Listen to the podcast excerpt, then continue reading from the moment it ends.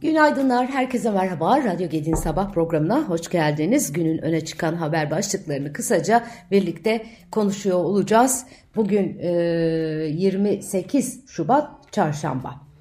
Evet neler var bugünün başlıklarında şöyle bir e, bakalım. İsrail'den savaşa Ramazan molası, e, Ramazan arası e, diyor manşetler. Amerikan Başkanı Biden hafta sonuna dek Gazze'de ateşkesin sağlanabileceğini ve İsrail çatışmalarına Ramazan arası verileceğini e, açıklamış. İçeride ise Cumhurbaşkanı Erdoğan'ın sözleri manşetlerde sıkıntılarla boğuşan Türkiye ekonomisinin gelecek yıldan itibaren yeniden yükselişe geçeceğini söylüyor. Erdoğan AK Parti'nin Manisa'daki mitinginde konuşan Cumhurbaşkanı Recep Tayyip Erdoğan ekonomideki sıkıntıların yıl sonundan itibaren hafiflemeye başladığını önümüzdeki yıldan itibaren yeniden yükselişe geçeceğimize hep birlikte geçeceğimizi hep birlikte göreceğiz. Vatandaşlarımızın her biri ülkenin büyümesiyle, güçlenmesiyle, imkanlarının artmasıyla ortaya çıkacak kaynaktan hak ettiği payı mutlaka alacaktır. Geçmişte nasıl başardıysak yine başaracağız diye konuşmuş. Konuşmasında muhalefete de yüklenmiş Erdoğan. Şimdiki CHP Genel Başkanı zaten kimsenin taktığı yok. Bu parti adında kimi isimlerin nerede ve kimlerle demlendiği belli değil. Kendilerini pazarlıklara öyle kaptırdılar ki Manisa Saruhanlı'da olduğu gibi aday listelerini seçim kurullarına zamanında veremediler. Haftalar öncesinden günü, tarihi, yeri belli olan bir işi bile beceremeyecek kadar siyasetten, meseleden, gündemden uzak durumdalar. Çıkarları dışında, kişisel kariyerleri dışında hiçbir şeyi gözleri görmüyor. Böyle siyaset olmaz. Türkiye'nin yönetimi bu zihniyete emanet edilemez. Bu arada İstanbul Büyükşehir Belediye Başkanı Ekrem İmamoğlu AK Parti'nin adayı Murat Kurum'a bu acemi adaya İstanbul adaylığı birkaç beden büyük geldi derken Erdoğan'ın 2019'da yanlışlıkla görevi aldığı sözlerine de yanıt vermiş. Kendi seçimi kazandığı zaman milli irade ben seçim kazandığımda ne hikmetse birden adı yanlışlık oldu. Erdoğan'ın demokrasi anlayışı tam da bu. Kendi kazanırsa demokrasi milli irade başkası kazanırsa yanlışlık diye konuşmuş. Evet, e, Adalet Bakanı Yılmaz Tunç 1 Temmuz'da sona erecek olan %25'lik kira tavan zam oranı uygulamasının devam edip etmeyeceği ile ilgili konuşmuş. Bakan Tunç'un konuyla ilgili ifadeleri şöyle. 2 yıl önce fahiş kira artışları nedeniyle borçlar kanununa geçici bir madde eklendi. Süre bir yıl daha uzatıldı. Sürenin tekrar uzatılıp uzatılmayacağı meclisin takdirinde enflasyon hedeflerinin tutturulması durumunda uzatılmaya gerek kalmayacağını belirttik. %25 sınırının kaldırılıp kaldırılmayacağı 1 Temmuz yaklaştığında günün şartlarına göre belirlenecektir. Ee, daha önce yaptığı açıklamada 1 Eylül'den itibaren kira davalarında aracılık dönemini başlattık. %25 kira artışı durumunun sürmesine gerek kalmayacak diye konuşmuştu Bakan Tunç.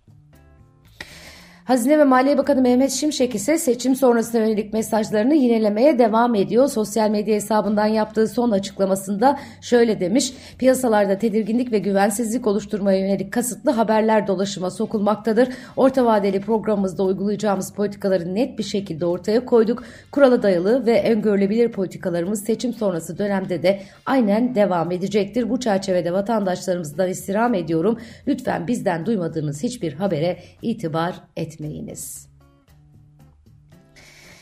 Ee, Cevdet Yılmaz Cumhurbaşkanı Yardımcısı İngiltere'de temaslarda iş Türk İş Dünyası temsilcileri de, de Türkiye'nin Londra Büyükelçiliği rezidansında gerçekleştirilen bir programda bir araya gelmiş Yılmaz.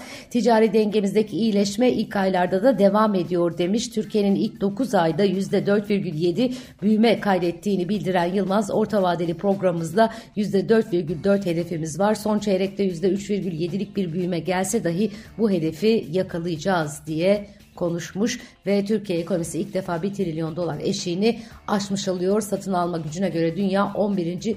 dünyada 11. büyük ekonomiyiz diye de eklemiş. Evet. Rusya, NATO askeri Ukrayna'ya girerse çatışma kaçınılmaz demiş Kremlin sözcüsü Dimitri Peskov. Fransa Cumhurbaşkanı Macron'un Ukrayna'ya asker göndermenin ihtimal dışı bırakılmaması gerektiğine yönelik açıklamalarını başkent Moskova'da gazetecilere değerlendirmiş. Söz konusu ihtimalin gündeme gelmesinin önemli ve yeni bir olay olduğunu belirten Peskov, Macron'un Rusya'yı stratejik bir yenilgiye uğratmanın gerekliliği konusundaki tutumunun da oldukça farkındayız diye konuşmuş.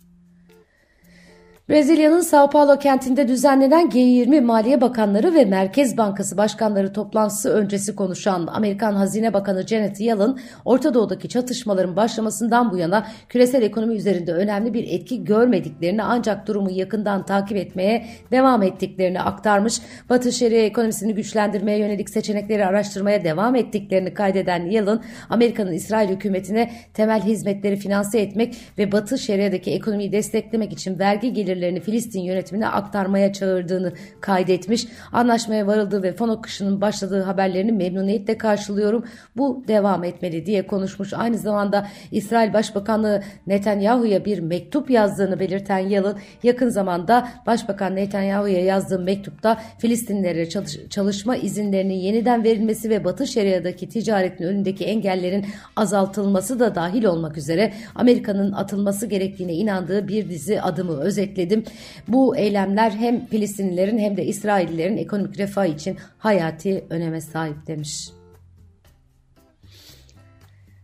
Evet, Amerika'da tüketici güveni beklentilerinin altında geldi. Conference Board Tüketici Güven Endeksi Şubat'ta 4,2 puan azalışla 106,7'ye düştü. Ee, 114,8'lik bir beklenti vardı. Ee, Amerikalı tüketicilerin iş ve güç piyasası, iş ve iş gücü piyasası koşullarına ilişkin değerlendirmelerini yansıtan mevcut durum endeksi Şubat'ta 7,7 puan düşerek 147,2'ye indi. Conference Board baş ekonomisti endekste bu ayki düşüşün Amerikan ekonomisine ilişkin süre gelen belirsizliğin bir yansıması olarak 3 aylık yükselişi kesintiye uğrattığını ifade etmiş.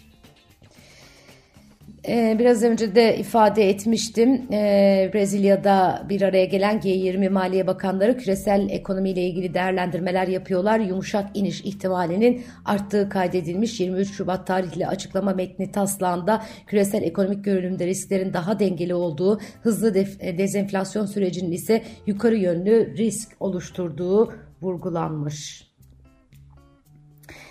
Ekonomim gazetesi e, yatırımlarla ilgili teşvikli yatırımlarla ilgili bir haberi manşete taşımış. Pandeminin e, diyorlar etkili olduğu 2020 ve 2021'de bile nominal olarak artış gösteren teşvik belgeli sabit yatırımların tutarı geçen yıl %11'i aşan oranda, oranda daraldı. Teşvikli yatırımlarda 2023'te sert fren e, oldu diyorlar. Yatırım iştahındaki düşüşe işaret ediyorlar. E, yatırım iştahı e, SOS veriyor diye de bu haber haberleri manşete taşımışlar.